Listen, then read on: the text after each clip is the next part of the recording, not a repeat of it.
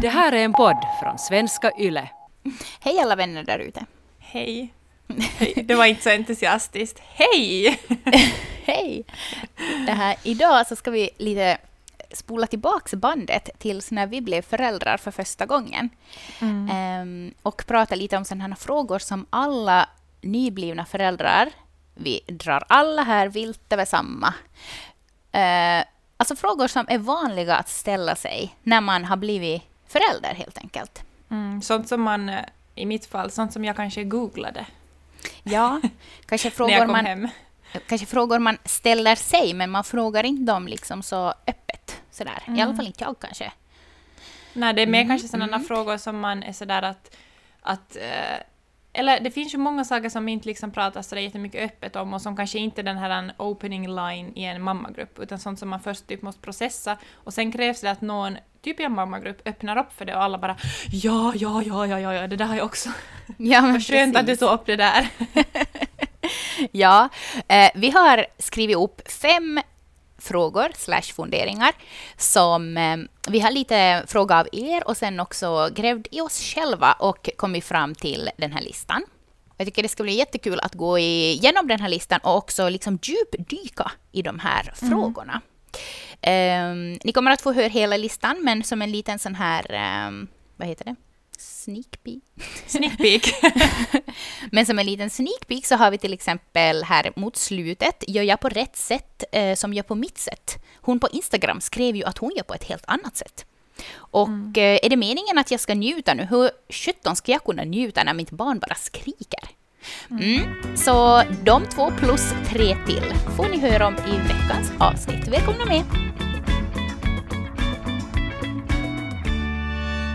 Var det någonting, Karo, som du blev som förvånad över eller överraskad över när du fick ditt första barn, som att det var antingen liksom, vad ska man säga inom situationstecken, lättare eller svårare eller jobbigare eller som bara som för, liksom fick dig att ställa någon fråga till dig själv att är det här okej eller hur ska jag göra eller bla bla bla. Var det någonting? Ja, alltså mm, när folk frågar mig då hur det går och hur jag trivs i min nya roll som mamma och att eh, eh, får du sovit nå? Det var alltid de där frågorna ställdes lite så här med vet du, huvud på sned. Som att de Mm. förväntar sig att, att det, ska inte, det ska inte vara lätt att vara en nybliven mamma. Nej. Och eh, i de stunderna så kunde jag känna lite så här att, att oj, att de förväntar sig ett svar om hur jobbigt det är. Att är, det, är det som okej för mig nu att säga liksom att jag trivs jättebra i min nya roll som mamma. Mm, vi har bra rutiner, jag tycker allting löper på. Eh, eller skulle jag måste ge dem vad de vill ha, alltså att jag helt enkelt liksom basunerar ut hur jobbigt jag tycker det är. Ja, och jag tror speciellt det där med, det, eller den här frågan med sömnen, eftersom att det är någonting ändå vanligt, så ställs den oftast, tror jag, med...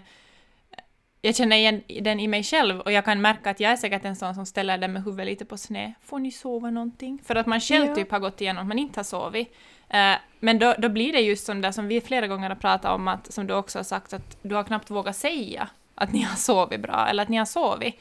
För att då blir det på något sätt som att Nej, men man vet inte att om man, om man säger att ja, vi sover just och vi har bra rutiner och sådär, så så någon annan blir som kan bli provocerad av det, att, men, eller som, jag vet inte, men det är som så känsligt på något sätt. Ja, och just det där också att, eh, att jag var på något sätt rädd att uppfattas som att, att jag kanske typ skoja för att Mm. framställa mig själv som en typ, ja, jag vet inte, som, jag, jag vet inte riktigt ens hur jag tänkt, men jag var i alla fall väldigt känslig för det där med mitt första barn, om hur, hur liksom andra skulle uppfatta mig Mm. som mamma, att jag ville liksom inte jag ville kanske inte vara så ärlig med hur, hur bra jag tyckte det var att, att äntligen vara en mamma och, och som så här för att jag ville inte att folk skulle, skulle tro att jag tror att jag är Ja, men en alltså vad är det jättebra, här? perfekt mamma, Ja, vet du så här.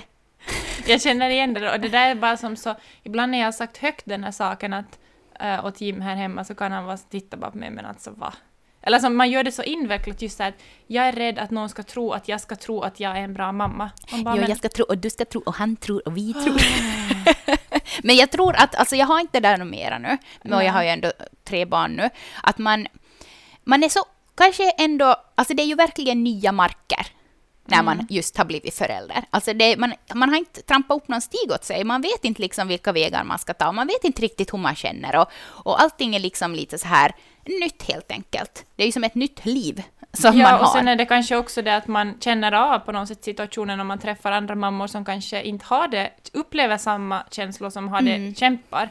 Och då Mm. vill man ju kanske också, jag tycker det, det är ju också någonting fint i det på något sätt, att, eller jag kan själv känna att om jag ser en mamma som går igenom någonting, att hon är jättetrött och hon har det jättekämpigt, så då kanske jag inte just i den stunden heller vill säga att vi har det jättebra. Nej, Bara för att jag precis. känner som att så det är liksom på något sätt när man är, om man diskuterar med mammor så ofta känner jag i alla fall att vi har en, på något sätt en connection att jag vill typ bara krama om dig som har det kämpigt och vara som att det kommer bli bra.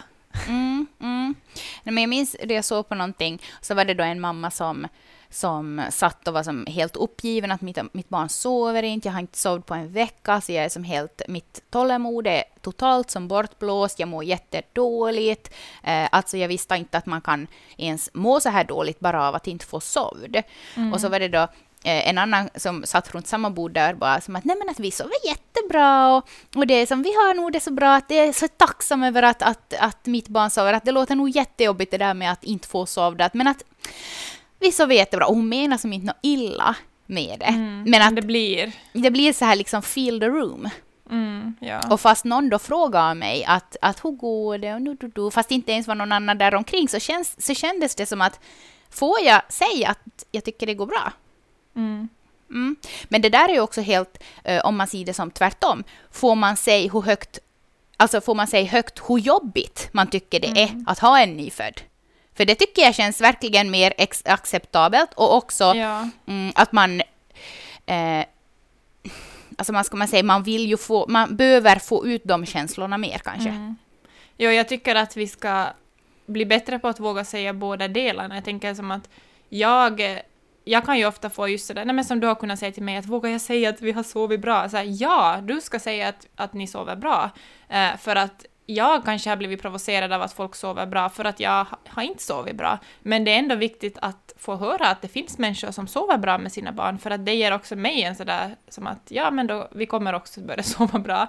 Och att jag tänker att det är viktigt att båda sidorna, att, för att det är ju inte som att okej, den människan som upplever att vi sover bra, vi har rutiner, man har ju också dåliga dagar och dåliga stunder och dåliga perioder, att, att det ska bli lätt att vi måste som bara på något sätt ta bort skammen kring att överhuvudtaget få berätta hur man har det. Man måste ju få ut det som du sa.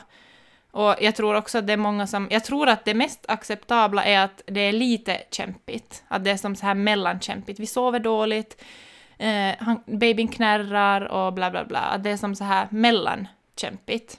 Mm.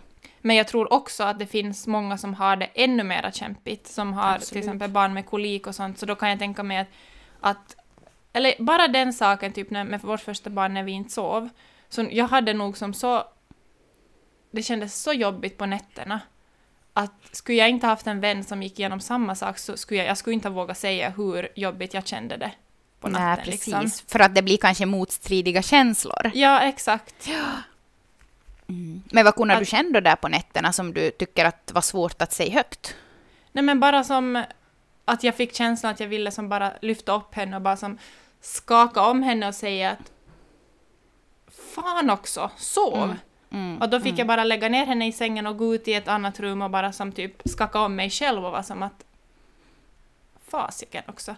Men man kan ju få som sån här men som mörka tankar att att vad fan, att jag, hur, hur ska jag som ta mig ur det här? Mm. Att hur ska jag, ska jag som typ rymma hemifrån? Nej men alltså, helt Ta som... sitt pick och pack och bara Ja. Nej men alltså när man är så desperat och man inte har fått sova och jag kan bara tänka, eftersom att vi hade Valle som skrek jättemycket nu, men han hade ju som ändå inte, alltså kanske en liten släng av någon form av kolik, men inte som fulländad kolik alls. Men eh, så jag kan bara tänka mig att har man ett barn som skriker och skriker och skriker och skriker i flera månader, det är ju som, det är ju helt, alltså det, det är ju som tortyr. Mm. Alltså Men tänk, tänk, då, tänk då en sån mamma som möter en sån där mamma som jag var då med mitt första barn, Ja. med tredje barnet så han skriker så att jag är också, jag var Ja. med det här skriks också. Men som jag hade med första barnet, att de då två möter varandra. Och det Och- kolliderar ju lite. Ja, att hon kan ju inte då säga hennes mörka tankar. För hon, den mamman som inte har de där tankarna, hon förstår ju inte alls. Och hon är som så oj herregud, att du måste söka hjälp, att ditt barn är i Ja. fara, tu, tu, tu, tu, tu, fast man aldrig skulle skada sitt barn. Nej. Eh, men sen den här mamman då som har det jätteenkelt, så hon då kan ju inte säga åt henne, den här mamman som har det svårt, för att det blir ju som helt, som att den här, ja men säkert att man känner så här bara, håll käften, vet du, som att jag vill inte höra. Mm. Mm. Så, där, Så nog- men mm. där tror jag det bästa är just att... nej men jag tänker att i någon, i en, eh, om man är i en grupp och man faktiskt...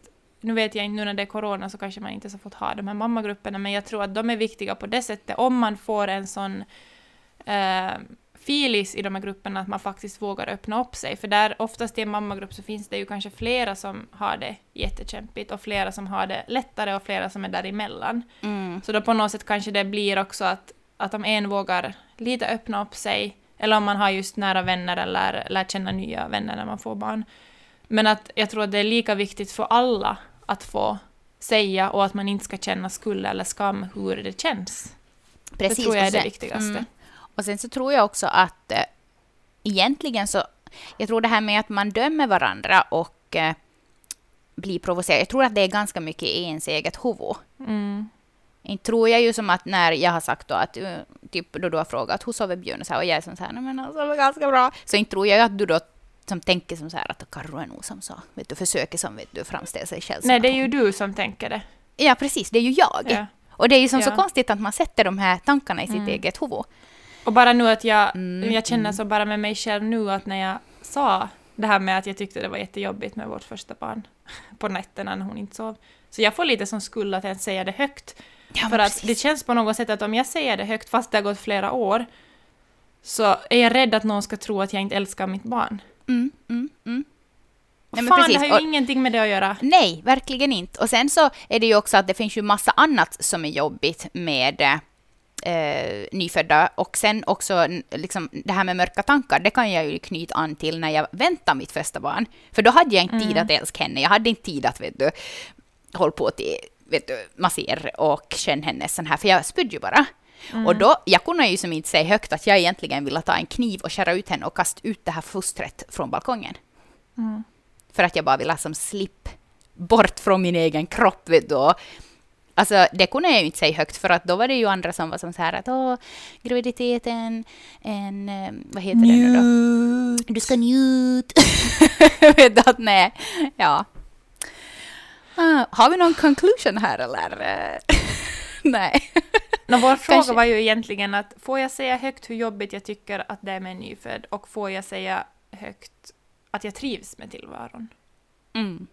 Mm. Och ja, Ja, du får säga både och och däremellan och mittemellan och det får ändra från dag till dag. Och, och jag tänker att vi kan också alla lite utmana oss att våga säga ärligt till andra. Liksom i en, i en mammagrupp eller sådär, att om man känner att oj, här är det ganska ytligt nu det här. Ja. Så har jag många gånger tänkt att men då kanske jag bara säger hur jag känner. Och då kanske Mm. det är lättare för någon annan att som utmana sig själv lite, att faktiskt våga vara ärlig och säga Precis. hur det känns. Ja, och då kanske någon känner igen sig och någon känner inte igen Mm. sig. Men då får man ju stötta varandra då i de jobbiga situationerna som man går igenom.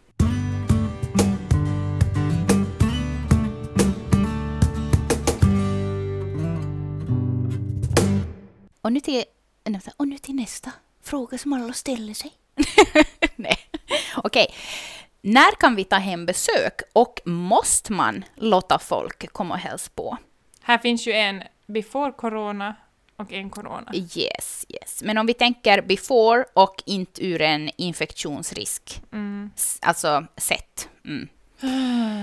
Jag har alltid tyckt att jag har, som så här att alla är så här att ja, du måste nog åtminstone vänta tio dagar och det ska nog helst gå två till fyra veckor innan någon kommer på besök. Och jag bara som så här att snälla kom och hälsa på, jag vill alla, jag vill liksom att nå- jag vill ha någon att prata med och jag vill visa upp min baby, kom hit bara. Och då har jag bara som, varit lite så här att mm. Men har du, har du känt, har den känt, liksom, har du före babyn har kommit när du har varit gravid, har du då haft en känsla av att du kommer vilja ha mycket besök eller att liksom, har den ändrat tills att ni har kommit hem med babyn? Vet du? Eh, no, jag, minns ju, jag minns ju mitt första besök med första barnet. Då hade vi just kommit hem från BB. Och jag gick runt då utan tröja i sån här... Eh, alltså joggare med värsta vet du, nätontisarna och en stor binda och liksom jag gick runt med pattarna i vädret för de var ju som två meloner och det tog som sjukt att ens ha någonting Mm. mot dem.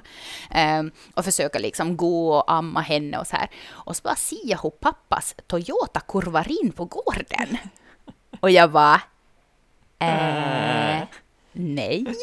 Inte läge. Och jag bara åh shit alltså nej jag vill inte ha besök. Men inte kunde jag ändå liksom neka honom inträde. Nej. Så det var nog bara till försök släng på sig någonting och se glad ut. Jag ville komma hälsa på. Mm, men jag minns också, om jag ska berätta om det jag fick andra barnet, så då var jag, ehm, då var jag jätte så här vet du, att jag ville, ehm, nej men alltså jag kände mig väldigt, ehm, men väldigt i bra skick efter förlossningen och, och, och så här att jag, jag eh, eller ja, jag kunde som inte riktigt sitta för jag hade som sjukt i snippan och så här, men, men eh, alltså som i, i huvudet och med själva allting så kände jag mig väldigt tillfreds och avslappnad så här. Så att jag kände att jag ville nog som ha eh, besök och eh, också för Los skull så tyckte jag att det var som viktigt. Ja.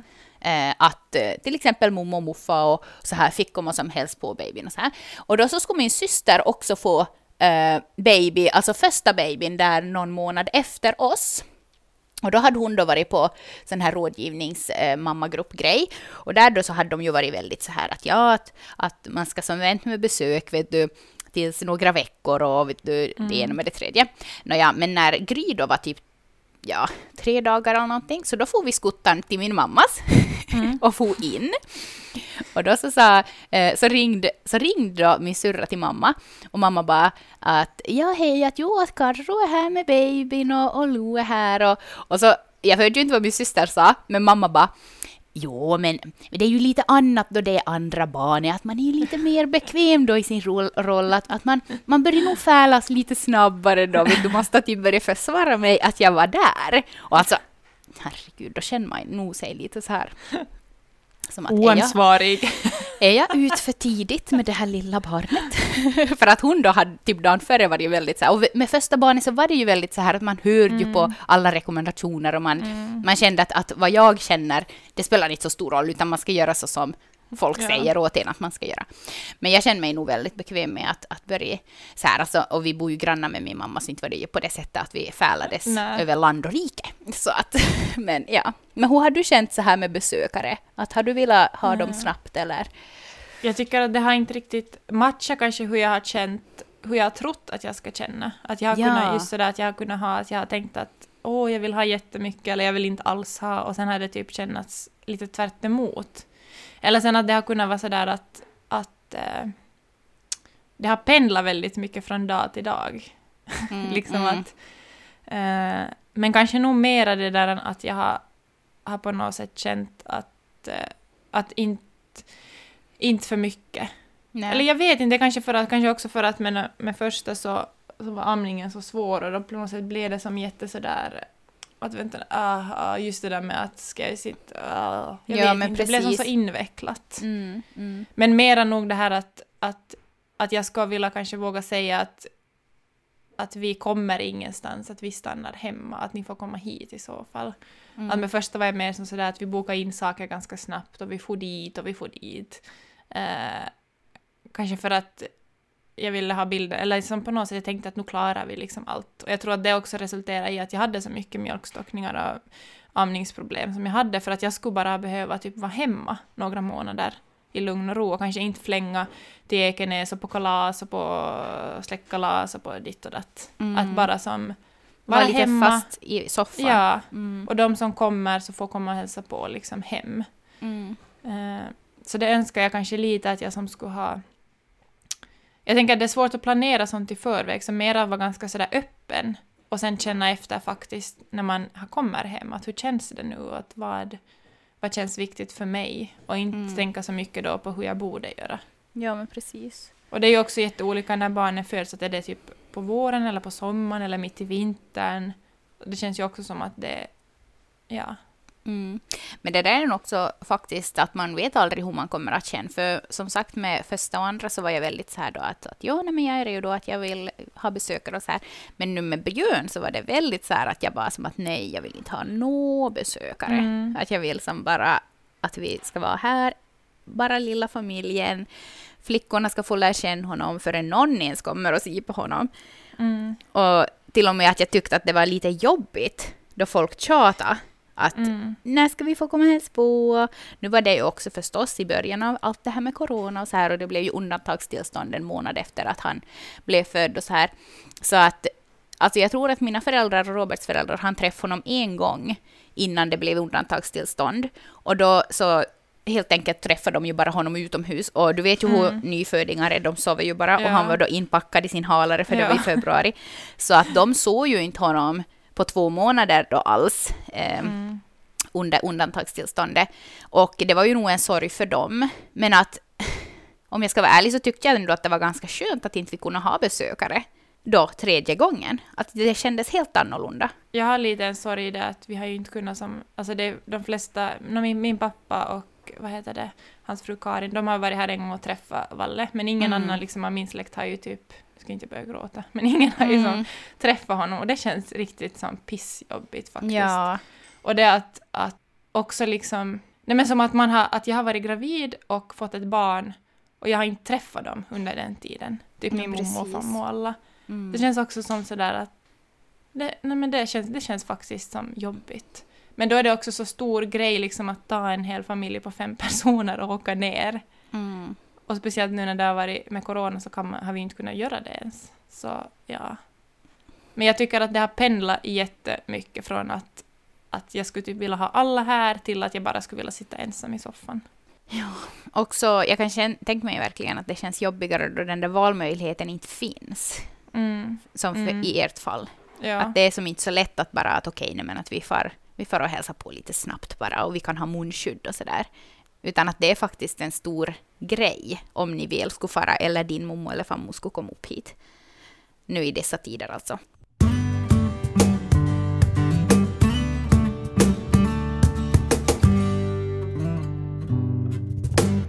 Eh, men sen ett bra tips som jag eh, eh, har kört med ganska mycket är det här Just, alltså jag, jag, jag är väldigt öppen till, alltså första andra gången då, eh, var jag väldigt så här, vet du, att jag vill ha besök, jag vill sitta och dricka kaffe med min mamma och min, mina systrar och så här. Men när man är nyförlöst, så då är man ju, eller man, vi ska inte prata om allihop, men jag eh, har varit ganska känslig. Vet du, det är som hormoner Ja. all over the place. Och eh, är det redan en sån sak att påminna om handtvättning så har jag tyckt att det har varit ganska så här jobbigt. Vet du, att, för det första, att varför måste jag påminna folk om det? Det ska vara en självklarhet. Och sen att det känns lite så här som att man är överbeskyddande vet du, om man börjar som tjata om det. Så då att istället som säg åt, eh, nå, nummer tredje så var det då Lo som skrev en, en, ehm, en stor skylt i hallen att eh, kom ihåg att tvätta händerna förrän ni rör min baby, så här, då när, ja. när de här som han kom och hälsade på gjorde. Men att säga åt sin partner att han kan säga när han får och möter dem i hallen och man själv då kanske sitter och ammar i soffan att, att ja, att bara så du vet så är hon som så här, hon är ju hon är ganska känslig nu att Ida inte som ger något välmenande råd och, och Ida inte kommenterar så mycket utan hör mer bara vad hon liksom har till sig och så här. Just det där vet du, välmenande råd när man är nyförlöst. Alltså, mm, nej. Nej, det, det, det, det, det är svårt. det är svårt. För att jag tror att, att, en, ja. ja, att ja. en så liten sak som ett tips om hur man typ kan hålla i sin baby. Mm. Alltså det, jag vet inte, det, det kan falla så fel så att vänt med det bara. Och speciellt med första, för då är man också som själv och typ trevar efter att hur, hur är jag som mamma, hur ska jag vara som mamma. Om någon då kommer och säger en kommentar som är lite som pikar åt hållet att jag inte skulle veta vad mitt barn behöver. Mm, Så då känns det ju som att hela min värld typ rasar samman. Mm, precis. Så det är en bra, ett, ett bra tips att, att det här... Mm. Eller jag tror nog att hon är hungrig nu, eller nu är hon Ja. nog inte hungrig. eller ska du mata nu igen? Mm.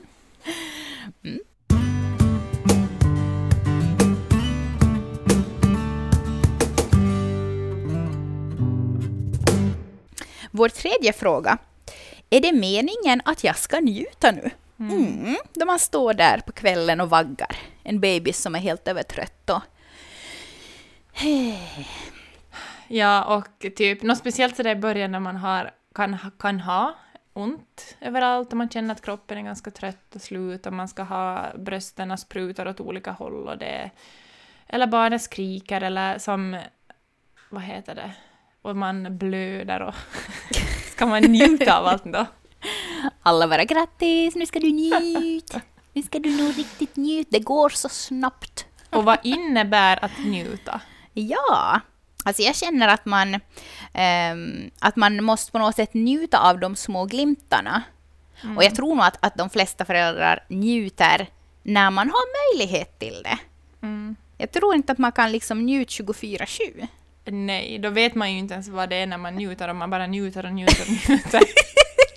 Exakt.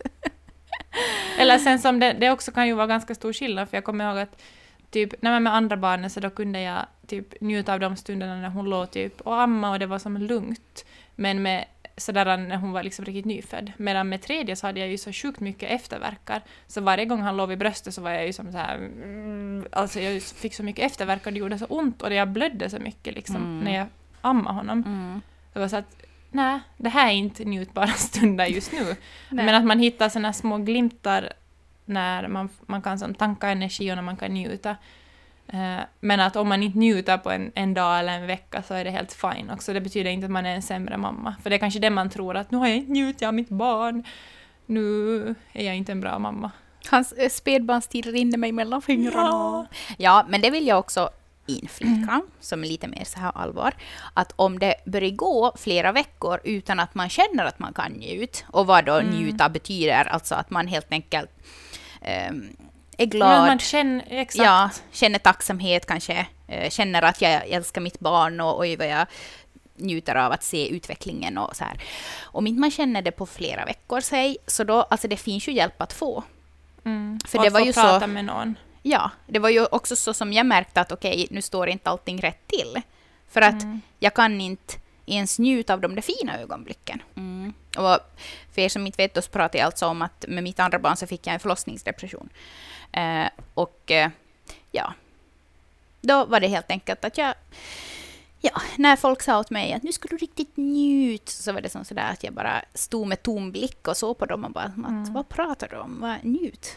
Eh, Men- nej. Jag tror att det är någon skillnad där, alltså, du hade, visst, visst var det så att du hade hunnit liksom ha den här, du hade hunnit ha den här fina tiden liksom före, eller som din förlossningsdepression kom, så du kunde, kunde du känna igen liksom att, att nu hade nu hade det gått i någonting som det inte var. Att liksom i början när hon, när hon hade fötts, så då kunde Mm. du njuta av de där stunderna. Mm, mm, absolut. Ja, för det, jag funderar som att hur, hur, skulle man, hur skulle det vara i en situation om det kommer som direkt efter? Ja, precis. att man inte man, vet. ja, att man vet inte att det är det här baby blues, är det Nej. här bara liksom av omställningen. Det där var faktiskt en väldigt bra point. Jo, Mm. nej, alltså, först när hon kom hem så då var det ju nog jätte... Alltså jag mådde jättebra och allting gick jättebra med Lo. Eh, att hon fann sin roll som storasyster bra och, och det här att jag trivdes jättebra i att nu vara liksom tvåbarnsmamma och så här och att jag var jättelycklig helt enkelt. Men sen mer och mer så bara dalade det neråt och till slut så var jag där på botten och då så insåg jag ju att det här är ju inte så som det ska vara. Nej. Att jag har ju som sett den njutbara sidan, om vi nu ska prata om att njut. Och sen mitt i allt så kände jag inte någonting. Jag var helt orkeslös, motivationslös. Jag kände mig bara som ett tomt skal. Och då insåg jag ju att okej, att nu är det dags att ta till Och där det tror jag stora att- artilleriet. Ja, och det här på rådgivningen så får man ju fylla i dem där hur man mår, eller en sån här, ett, en, vad är det, en enkät, Mm. var de, är den när babyn är någon månad gammal så får Ja. man fylla i liksom hur ens humör är och sådär. Mm. Eh, så där, vad heter det, svara ärligt på de frågorna. För att jag Mm. tänker, jag har, jag har inte svarat ärligt på dem och jag fattar inte vad, vad, alltså varför. För att jag på något sätt har varit rädd att någon ska jag vet inte. Eller nu, nu med tredje har jag svarat ärligt, men med första så svarade jag nog inte ärligt. För att jag Mm. var sådär att, att, eh, att jag vet inte. Men jag Mm, tänker vill som att där, Mm. ja, där kan man fångas upp. Att det betyder inte att det är som att åh, nu ska vi sätta in en stor massiv, eh, hur ska vi få dig att må bra och sådär. Men bara det att man kan som svara ärligt där och någon kanske också kan säga och sätta igång en, nej men jag vet inte vad jag ska säga. Men var inte där också du blev uppfångad? Ja, det var det. Och sen att man kanske inte ens själv vet om Exakt. att, att man Ja. mår dåligt, utan man tror mer att det är just en eftersläng av baby blues eller någonting, att man då svarar ärligt på de här frågorna och eh, så får man helt enkelt sen lämna över pappret och så får de avgöra liksom att hur... Jim! Han är vaken. Ja. Han vaknar, ja.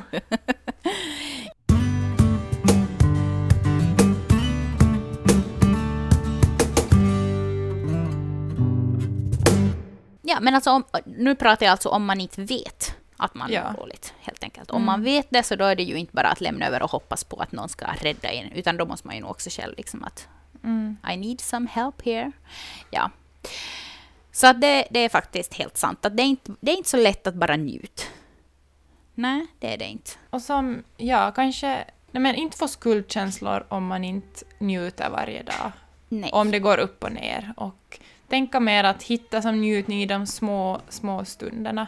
Mm. Och sen just om man känner att jag kan inte alls njuta av det här, jag kan inte alls se glädje och känna glädje. Att se att kanske, kanske jag skulle borde som, våga öppna upp och berätta det här åt någon vän eller åt min partner eller på rådgivningen.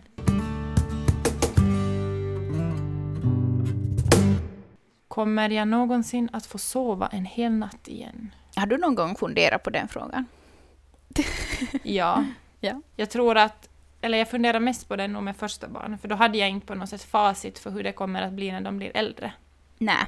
Eh, och det har varit kanske en sån här klen tröst i trötthet att det kommer att komma dagen när vi kommer att hela familjen typ tar sovmorgon. Ja. Det, men det värsta är när folk är sådär ”vänta bara när de blir tonåringar så kommer ni att måste dra upp dem ur sängen”. Det där är som ingen tröst att säga åt en, en, en människa som har barn som inte sover. Alltså vad finns det ens för tröst i det? det är så skit. Nej, jag vet inte. Det är väl för att man desperat försöker säga någonting positivt som ska vara sådär typ ytterligheten åt andra hållet. Men det är svårt att se där i stunden. Ja, Då är det att man- mer att man behöver bekräftelse. Precis, det, man behöver bara någon som lyssnar och Ja. säger som att jag hör att du har det jobbigt. Finns det någonting jag kan göra för att hjälpa dig? Istället för att ja, det, men du vet nu att du har, tror att du har det jobbigt nu, men sen, vänt bara. Man bara som att nej. Men det enkla svaret, eller mitt, mitt svar i alla fall på det är nog att du kommer att få sova en natt. Men det kommer att gå snabbare eller ta längre. Det vet, det får, Den som lever får se. Okej hörni, vi kommer till vår sista punkt.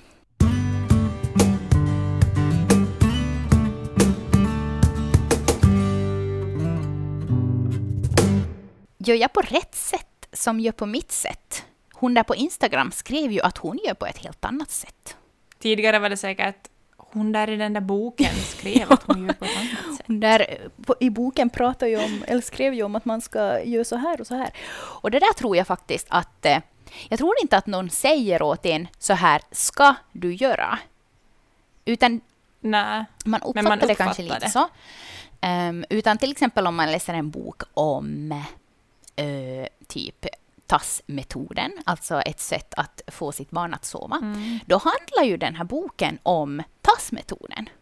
Det betyder ju inte att alla andra sätt är fel. Och om någon skriver ett inlägg på Instagram om mat och ja, till exempel det, eh, så då handlar ju inlägget om det.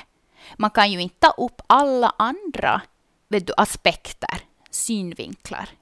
Utan det där är bara en, ett alternativ av många. Och ingen någonsin tror jag säger åt dig att så här måste du göra. Det här är det som passar för din familj. Nej, och där är man också olika sårbar, för jag märker att min, den här sårbarhetskurva, för det har ju gått också sådär upp och ner. Jag tänker som att under perioden när jag har varit som mest trött och kämpat med typ amning och sånt, så då har jag varit mest mottaglig för att jag, då kan jag känna mig utpekad när jag läser vad någon har skrivit.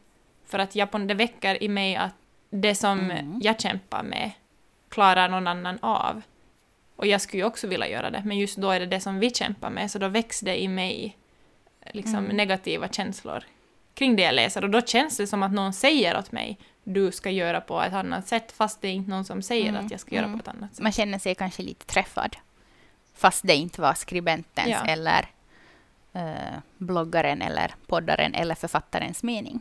Och det där är ju det som är så svårt för att jag tänker att tidigare så kanske man då hade några vänner eller mammavänner eller några föräldrar och någon bok som hade en åsikt om saker. Men nu är det ju som så, det finns så många olika åsikter och aspekter och, och ditt och datt, så man kanske, man har ju mycket större chans att känna sig träffad och typ att man borde göra på andra sätt Mm. än tidigare. Och för jag, det, jag, tycker, jag, jag vet inte om det finns något bra råd där, för jag tycker själv att det mesta handlar om att bli säker i sig själv som mamma och veta hur man vill men vad som passar ens egen familj och så hopp, liksom, genom det bli säker i att jag behöver inte göra som alla andra och jag behöver inte... Men som i, med första barnet så vill, ville jag ju, man vill ju få bekräftelse typ från Mm. rådgivningen, eller jag ville. Så vi var sådär med min kompis Hanna, så jag tror vi var de som ringde liksom till rådgivningen, alltid när hon öppnade så bara ”Ja, det är du som ringer, linjen är upptagen”. bara skulle ringa och få bekräftelse. Kan man göra det här? Vad kan man göra med det här? Men nu är det det här. och nu med tredje barnet så är det mer som sådär att eh, oj, Ja. borde vi få till rådgivningen? Att det som har, att den där på något sätt kurvan Nej, men i början av kurva. föräldraskapet så är man ju väldigt osäker och man, man eh, försöker säkert ta Mm. till sig allting man bara kan och man försöker rätta sig efter den här författaren och den här tv-programmet och den här Mm. podden och den här bloggen och den här artikeln och ni fattar. Men sen, eh, för att då måste man ha liksom bekräftelse på att okej, du gör rätt. Men med tredje barnet så, jag tror att man kan få den där bekräftelsen inåt, bara man har hittat sig själv som mamma eller som förälder, som pappa. Och att man faktiskt kan våga lita på sin instinkt, det är någonting man jag önskar att man skulle, jag skulle ha hittat tidigare. Men det där är ju nog verkligen en, en, en resa som man måste göra som förälder. Att hitta sig själv och hitta det som man tycker Mm. själv passar bäst. Och sen är det ju också det att med första barnet så kanske en grej funkar. Och sen med tredje barnet så liksom funkar absolut inte den grejen. Och sen att hitta de människorna runt omkring sig, eller de poddarna eller de bloggarna, eller alltså hitta någon, hitta de som man känner att jag kan anförtro mig att få vara jag och bara berätta hur jag vill och jag kan öppna mig och på något sätt få...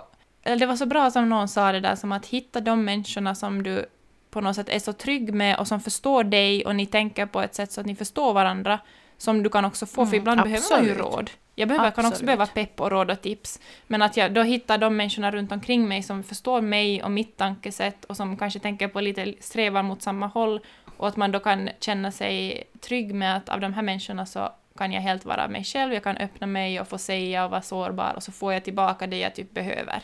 Och då kan jag också få tillbaka ärlig kritik ibland som att men hej, ta dig samman. För ibland Mm. kan det vara att det är det som man behöver höra, ibland är det bara som bekräftelse. Och det där tycker jag också höra. är viktigt nu i en värld av mycket sociala medier. Att man på något sätt väljer vilka Mm. man följer.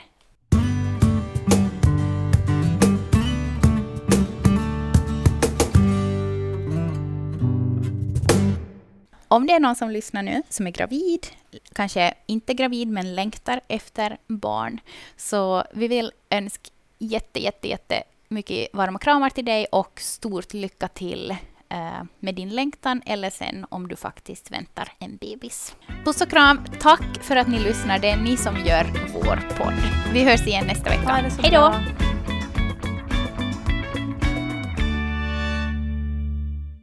Det här är en podd från svenska YLE.